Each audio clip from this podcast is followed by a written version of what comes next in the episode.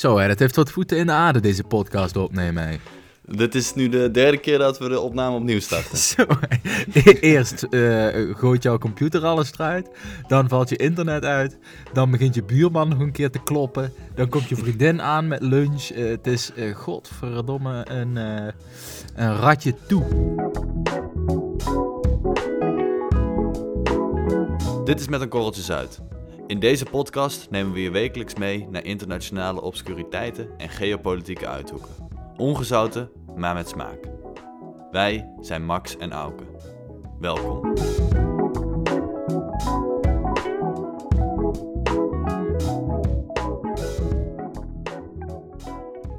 Wij, eh, wij leven deze tijden een beetje in een tijd van ehm, ja, politieke correctheid. We moeten allemaal een beetje oppassen met wat we zeggen, want je kan links en rechts best wel wat mensen daarmee eh, kwetsen. Moet je voor oppassen. Iedereen heeft lange tenen. Dat was een paar honderd jaar geleden wel anders. Toen eh, ja, werd daar toch iets anders mee omgesprongen. Ja, toen, eh, Ehm, toen Christophe, Christopher Columbus nog met zijn companen goeiedag ging zeggen in, in Zuid-Amerika. Juist, juist. Nou, en zo ook de Nederlanders. Want die waren natuurlijk ook ja, iets na Columbus. Zijn zij ook flink huis gaan houden in Afrika en in eh, Indonesië, India, Sri Lanka, dat soort gebieden. Hm. En ehm, ja, zo hebben we eigenlijk overal eh, wel koloniën gesticht. En die kregen dan vaak ook wel ehm, ja, bijzondere namen, moet ik zeggen. Niet per Ja? se de meest eh, politiek correcte namen. Zo hebben we een, een kolonie gehad, eh, dat, wat nu het huidige Benin, Togo, dat gebied is. En dat heette gewoon ja, de slavenkust. Oké. Nou, ik denk niet dat eh Sylvana Simons daar eh, nog om kan lachen. Ik vind het in retrospect eh, vind ik het een redelijk geinige naam, maar ik snap dat mensen daar wel moeite mee hebben. Ja, ja, maar ja, en dan iets verderop lag de, de Goudkust. Misschien een iets minder, iets, iets meer politiek correct, maar geeft wel aan waarvoor we daar waren. We waren daar niet om democratie en welvaart te brengen. We waren daar gewoon om het goud weg te plukken en wat slaven naar Amerika te, te verschepen. Ja, wij? Eh, ik was er niet bij, hoor. Ja, ik heb daar ook altijd moeite mee met. eh, Maar, maar tot wanneer heb je het dan? Want het is wel onze geschiedenis. Wij zijn Nederlander. Maar ja, tuurlijk, iedereen snapt dat wij daar niet persoonlijk eh, slaven hebben lopen. hebben ik heb daar in ieder geval helemaal niks mee te maken. Ik vind ook dat een Duitser van mijn leeftijd zich echt niet voor de holocaust hoeft te verontschuldigen. Of dat een Turk van onze leeftijd zich voor Hmm. de Armeense genocide hoeft te verontschuldigen. Hebben die mensen aan Ja, zich toch niks mee te maken? Nee, maar ik heb daar nog over nagedacht en ook met wat eh, mensen over gesproken. En ik denk dat dat... Kijk, in Nederland hebben wij gewoon een heel... eh, Wij zijn wat dat betreft heel individualistisch. En wij snappen dat jij, Max, je hebt geen slaven verhandeld. En die Duitser over de grens bij jou heeft ook geen Joden vergast. Maar ehm, ja, we hebben dus vorige week een aflevering gemaakt over de Armeense genocide. En daar hebben wij toch op Instagram wel een stuk of... Wat zal het zijn? 20, 30 redelijk boze reacties over gekregen eh, van, eh, van, van eh, ja, Turkse Nederlanders. Ehm, en ik denk dat het te maken mee heeft dat ehm, in veel landen, waaronder Turkije, je veel meer leeft vanuit een soort groepsgevoel, een community gevoel. Dus dat je, je voelt je veel meer verbonden met de geschiedenis van een land. Jij bent onderdeel van die geschiedenis. In Ja. Nederland hebben we dat misschien minder. Ja, en sowieso denk ik dat mensen ook geneigd zijn om eh, vooral wij te zeggen als het over eh goede gedeeltes van Mhm. eh, de cultuur, van de geschiedenis en whatever gaat. En zij te zeggen als het, Ja. als het niet zo goed gaat. Net zoals met een voetbalteam, hè. wij hebben gewonnen en zij Ja. hebben verloren terwijl het over hetzelfde team gaat. Ja, nou, dus- voor de consistentie en de eerlijkheid. Wij hebben slaven verhandeld en wij hebben in 88 de EK-finale gewonnen. Oké, nou, akkoord. Desalniettemin, ik vind eh, de, eh, de slavenkust, jij zegt Togo en Benin, Mhm, Ja. eh, dat wist ik helemaal niet. Dat we daar, ik weet natuurlijk wel van Zuid-Afrika en van Suriname en zo, maar Togo en Benin, dat is me totaal niet bekend. Yo, die Nederlanders hebben overal gezeten. Echt waar. Ja, eigenlijk helemaal om Afrika overal wel van die handelsposten gezet. Ik ben ooit in Sri Lanka geweest. En toen stuitte ik ook ineens op een Nederlands fort. Dat was alsof ik een of ander Zeeuws ja, dorpje binnenliep, maar dan tropisch. Zeg maar, met van die witte, witte huizen, met bakstenen. Sri Zo'n Lanka? stervormig fort, zo half in de zee. Oh, daar heb ik er Ja. nooit van gehoord, dat die mannen daar ook zaten. Of in, oh, in een eiland in eh, Indonesië, Fort Rotterdam. Maar goed, we hebben dus in de, in de slavenkust gezeten, Togo en Benin. Maar dat, eh, ja, dat, dat was sowieso voor, de, voor de, de inheemse bewoners daar geen pretje. Want die werden dus allemaal eh, verscheept naar, eh, naar het Caribisch gebied en naar eh, Amerika. Maar ook voor de Nederlanders was het daar eigenlijk helemaal geen pretje.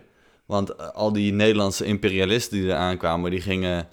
Ja, binnen no time kregen die de gele koorts, die kregen malaria. Die trokken het helemaal niet daar, die, die tropische klimaten daar. Ja, Dat was, Ach, het was- was een hel daar. arme jongens. Ja, En dat zij zich helemaal hebben opgeofferd om daar eh, het, eh, het, eh, het woord van God te komen ver- verspreiden. En natuurlijk het woord van de kapitaalmarkten. Ja, goed. we willen natuurlijk nu niet een hele podcast gaan maken over ehm, ja, hoe slecht het is dat Nederlanders slaven hebben verhandeld. Ja, niet dat dat er niet toe doet, maar ja, daar gaat deze podcast gewoon even niet over. Ehm, waar het wel over gaat, daar stuitte ik op, is dat we in de slavenkust en de goudkust niet alleen maar ja, slaven hebben verhandeld en eh, goud hebben weggeplukt. We hebben daar ook Afrikanen ge- geronseld of, of geworven via een HR-manager om ehm, ja, naar, naar Indonesië te gaan. Om daar in het eh, KNIL te vechten. En Mhm. KNIL is de Koninklijke Nederlands-Indische Leger. Het Koninklijk Nederlands-Indisch Leger. Ja, het KNIL. Het werd eind 19e eeuw opgericht. Hm. Want wij zaten natuurlijk ook vuistdiep in Indonesië. Eh, al, al honderden jaren. Wacht, even een vraag tussendoor. Zaten wij tot zo laat nog in West-Afrika dan? Oeh, dat is een goeie. Ehm, nou, ik weet dat de KNIL is opgericht uit mijn hoofd in 1815. Oké, Ehm, begin maar 19e het eeuw. kan, Ja, het kan natuurlijk dat die Afrikanen eerst al naar Indonesië zijn eh, verscheept. En dat ze daar dan later eh, bij de KNIL eh, zijn toegetreden. Weet ik niet zeker Oké, hoe dat, eh, hoe dat zit. Maar goed.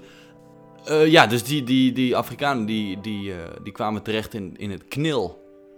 En in het knil, knil zaten voornamelijk ook veel Molukkers. Ehm, ja, Molukkers, ja. Hoe zit het eigenlijk met die? Ik, ik wil trouwens niet deze podcast helemaal in, in een andere zijstraat flikkeren, maar hoe zit het eigenlijk met die Molukkers? ja, maar dat is, wel, dat is wel interessant. Want die Molukkers... Ja, ik denk dat we eigenlijk heel veel Nederlanders hebben altijd al wel...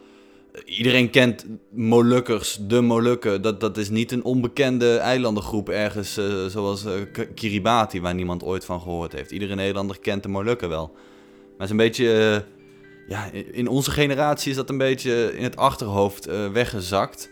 Ja. Ehm, en ik denk bij de iets oudere generatie, die hebben het wel iets, eh, iets die kennis iets meer paraat. Mhm. In Nederland zitten heel veel Molukkers, maar dat was vooral in de jaren 70 een, eh, en in de jaren 50 een hot, een hot topic. Maar weet jij dan hoe het zit? Want ik heb, ik heb verder geen idee van die geschiedenis.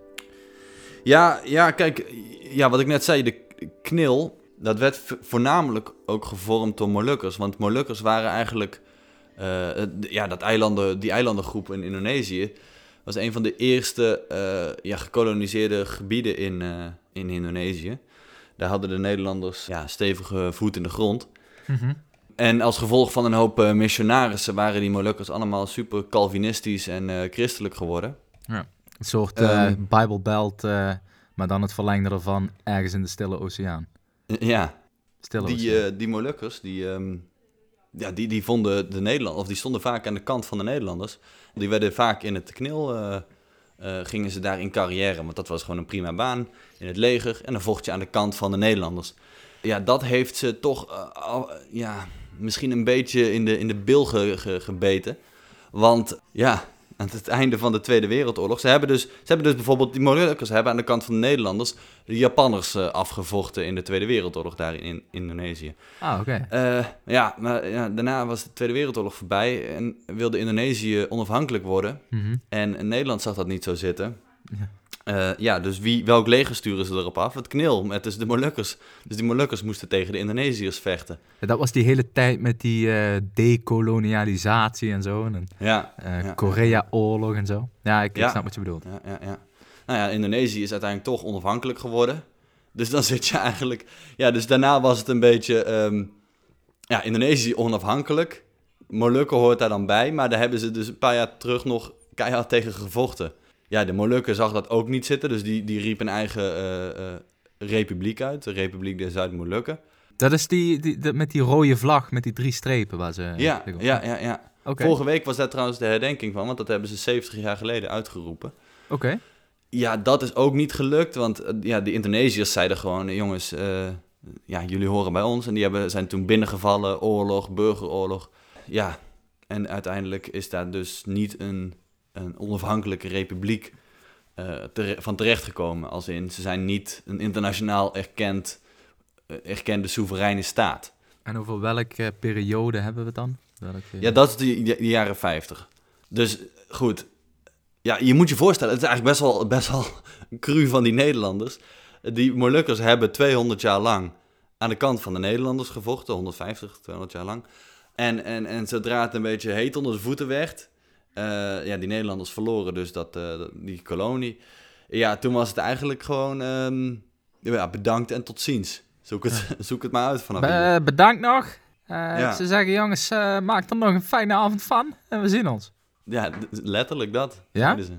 Ja. Nee, maar uiteindelijk en zijn toen- die Molukkers toch ook hier naartoe gekomen? Ja, ja, want die Nederlanders hadden wel door dat het toch een beetje een penibele situatie was. En eh, dat ze een, een groot aantal van die jongens gewoon eh, tot, tot twee jaar terug eh, in, in dienst hadden. En die nu daar een, een soort burgeroorlog over zich heen kregen. Ehm, dus onder een soort militair bevel hebben de Nederlanders gezegd eh, tegen een, eh, een hele zak eh Molukkers van... jongens, kom, stap op die boot en we varen hier naar Nederland. En in Nederland kunnen jullie dan wel een, een tijdje blijven. Een paar maanden was het, was het plan. Ja.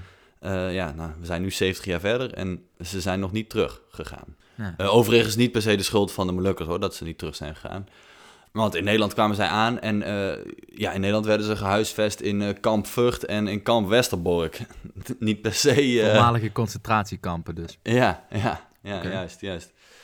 Ja, dus die, die Molukkers, die hebben in, in die jaren daarna een enorme frustratie en woede opgebouwd. Wat ik me redelijk voor kan stellen. Eh, en dat kwam toch wel in, in uitbarsting in de jaren 70 met een, eh, een treinkaping hier en een, een, gijzeling van een basisschool daar, een gijzeling van een ambassade. Zeven dagen na de kaping door Zuid-Molukse jongeren stond tussen Bijlen en Hogeveen nog steeds die trein van de Nederlandse spoorwegen, verloren in het land. Van het begin af aan heerste er grote activiteit van de zijde van Rijkspolitie, marechaussee en mariniers, die het gebied rond dat stukje spoordijk van de buitenwereld afgesloten hielden. Op dat ogenblik lagen er al twee doden langs de spoorlijn. De machinist en een passagier die door de kapers waren doodgeschoten. Ja, die, zijn- die komen over het algemeen eh, vrij negatief in het nieuws, heb ik altijd het idee. Molukkers. Ik kan me herinneren, een jaar of tien geleden was in Culemborg een probleem tussen Molukkers en eh, Hm. Marokkanen. Af en toe is Ah, er ja. wel eens een, een opstootje in een eh, Molukse wijk. Want ja, jij zegt wel, die zijn in kampen geplaatst, maar uiteindelijk zijn toch ook gewoon wijken gebouwd voor die mensen. Ja, klopt. Ja, ze werden in eerste instantie in, in die kampen geplaatst, omdat er toen, ja, de, de Tweede Wereldoorlog was net voorbij. Eh, half Nederland lag in as, dus er was gewoon in Nederland woningtekort. Dus eh, ja, en toevallig stonden hadden die Duitsers wat, eh, wat kampen achtergelaten.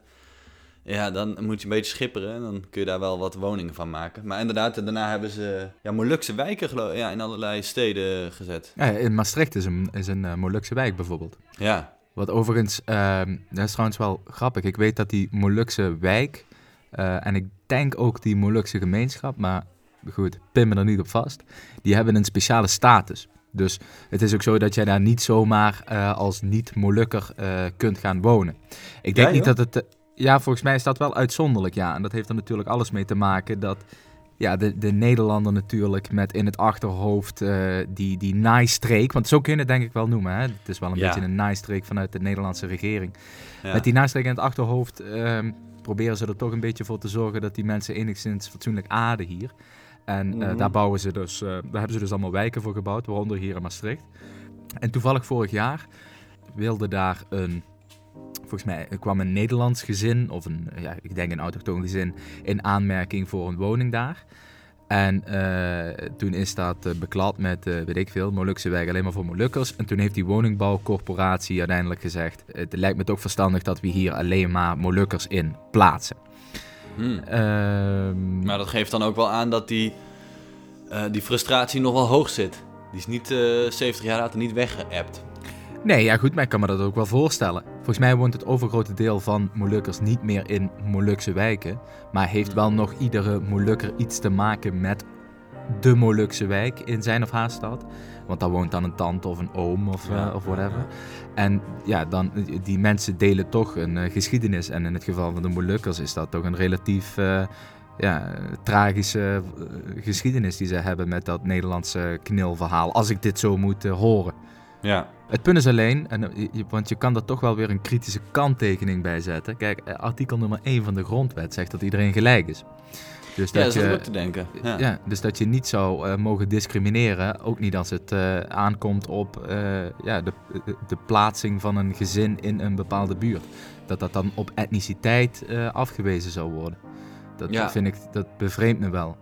Dat is wel reden voor een, eh, voor een boeiende rechtszaak. Want ik snap beide kanten wel hoor. Maar het is inderdaad vreemd dat je, dat je inderdaad op etniciteit een huis af kan keuren. Of ja, een huis aan iemand anders kan toewijzen. Maar is het Ehm. niet zo, is het niet zo dat je, eh, tenminste bij mij komt dan meteen de gedachte naar boven. Kijk, tuurlijk snap ik dat, eh, dat verhaal van die mensen wat dan eh, bij de, die wat genaaid zijn. Hè? En ik snap dat je, dat je dan kunt zeggen, nou weet je wat, die mensen die leven allemaal eh, bij elkaar in een Molukse wijk. Die betalen ook wat minder huur en die krijgen een speciale status, et cetera. Het is ook zo dat als de politie zo'n wijk binnen wilt eh, vallen, of eh, gewoon wilt, wilt, wilt binnentreden, dat ze dan toestemming nodig hebben van de buurt. Of van de buurtleider of iets. Dat is Ja, een ja, ja. bepaalde. ja, ook weer een bepaalde regeling. Ehm, ik kan me voorstellen dat, eh, dat, je, dat je zegt, nou, hè, we moeten een oogje dichtknijpen voor die gemeenschap omdat, die, omdat we die genaaid hebben. Aan de andere kant snap ik ook dat je zegt, ja, jongens, eh, hè, artikel nummer 1, niet discrimineren, iedereen gelijk. En als daar een Nederlands gezin wil gaan wonen, dan mag daar een Nederlands gezin gaan wonen. Dus die, die twee eh, dingen snap ik wel. Maar Mhm. bij mij begint dan meteen een belletje te rinkelen van... hé, hey, jongens, met alle respect, maar in de grondwet... met grondwettelijke aangelegenheden... Ja. dan moet je geen concessies gaan doen. Snap je? Dus ja. hoe je het ook wen- wendt of keert... als je iemand tegemoet wil komen of whatever, dat is allemaal prima. Maar daar, moet niet, eh, daar moeten geen eh, eh, grondwettelijke amendementen voor gemaakt gaan worden.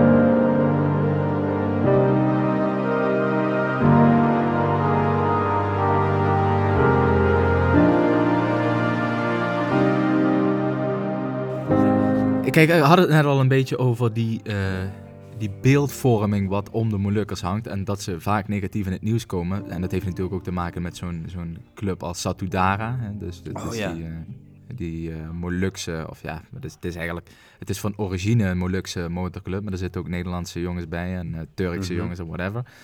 Ja, dat, dat doet die gemeenschap, denk ik, over het algemeen eh, geen goed.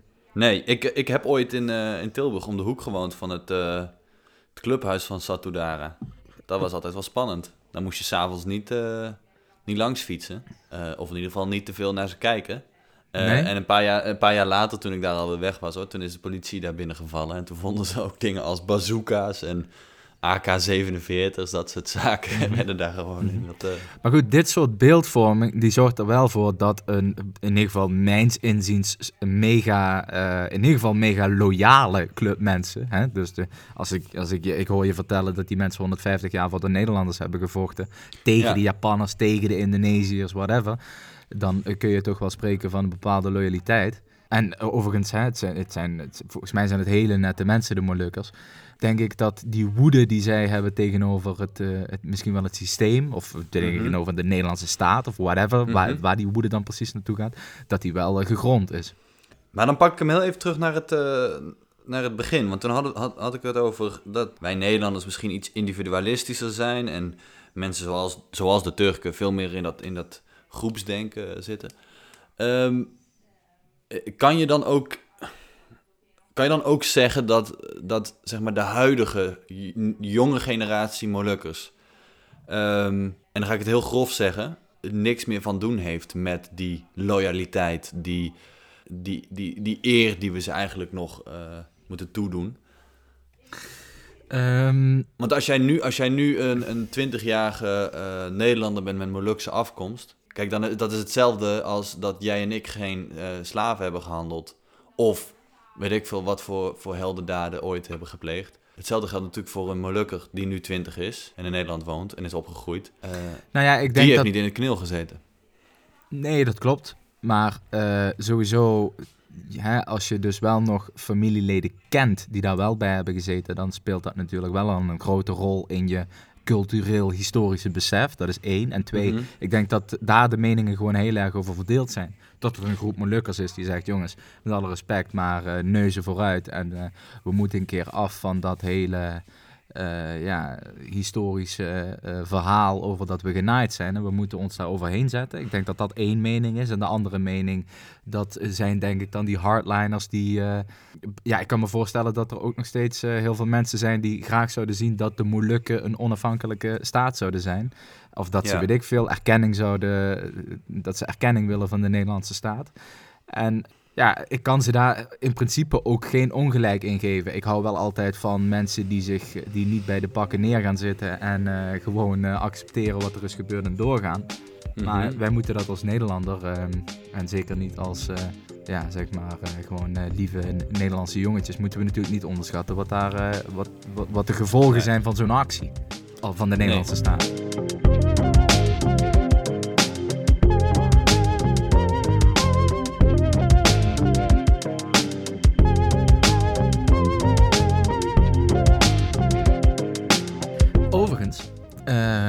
Ja, we zijn toch een beetje van de hak op de tak aan het springen. Dat is allemaal niet zo erg. Ik heb gisteren eens even bij truesize.com, ken je die, ken je die eh, website? Oh ja, ja, vertel. True Size. Leg uit. Heb ik eens eh, de Molukken. Ja, je moet Eh, even uitleggen wat voor website het is. Oh ja, sorry. True Size. volgens mij heet het truesize.com of weet ik veel, comparemaps.com. Ik, ik heb verder geen idee hoe dat heet. True Size op Google en je vindt het. Daar kun je dus, de, ja, de naam zegt het natuurlijk al een beetje, landen qua grootte met elkaar vergelijken. Wat op een normale wereldkaart heel erg eh, lastig is, omdat ja, de wereld is een bol en als je dat dan 2D eh, gaat eh, printen, dan kloppen die verhoudingen niet meer. Ja, zo zie je dat vaak Groenland lijkt heel groot. Ja, maar dat Terwijl valt dan op mee. een bol is dat... Ja, dingen aan de, aan, de, aan de noord- en zuidkant worden gewoon extreem uitvergroot. Canada lijkt, is ook, lijkt op veel kaarten veel groter dan het in werkelijkheid is. Precies. Nou, Ja. en dan heb ik even een, eh, een quizvraag voor jou. Als je nou Indonesië pakt, want dat is wat ik gedaan heb, en je doet het meest eh, westelijke puntje van, van Indonesië, en ik denk dat Mhm. dat Aceh is, en je legt dat puntje op Amsterdam, waar Ja. dan het meest oostelijke puntje van Indonesië ligt. Op die En het kaart. meest oostelijke punt van Indonesië is denk ik eh, West-Papua. Juist. Ehm Wauw. Indonesië is heel groot. Eh, ik gok dat dat ergens in eh Azerbeidzjan eindigt. Het is zo dat als jij dat puntje eh, in het westen op Amsterdam legt, dat de oostgrens dan in China ligt. Wat? Zo groot is Indonesië. Dus wij hebben, we praten hier eh, eh, over de Molukken toevallig, maar de Molukken dat is dus bizar groot ook. Hè? Als je de, zelfs als je de, het, zeegedeelte niet meetelt, want dat is natuurlijk een significant gedeelte van die Molukken en van de Noord-Molukken, dan is dat dus echt een enorm gebied.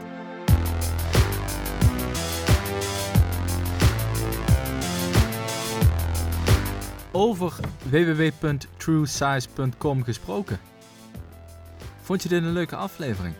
Ga dan naar www.petje.af slash korreltjes uit. Dat is ook een website. En wat je daar kunt doen is het volgende.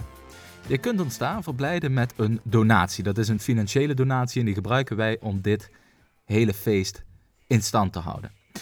Als wij 100 donaties hebben ontvangen, dan eh, maken wij een tweede podcast. En dat betekent dat er iedere week twee afleveringen online komen waar jij van kunt genieten. Dames en heren, ga naar www.petje.af slash korreltjes uit. En dan horen we elkaar volgende week. U wordt bedankt.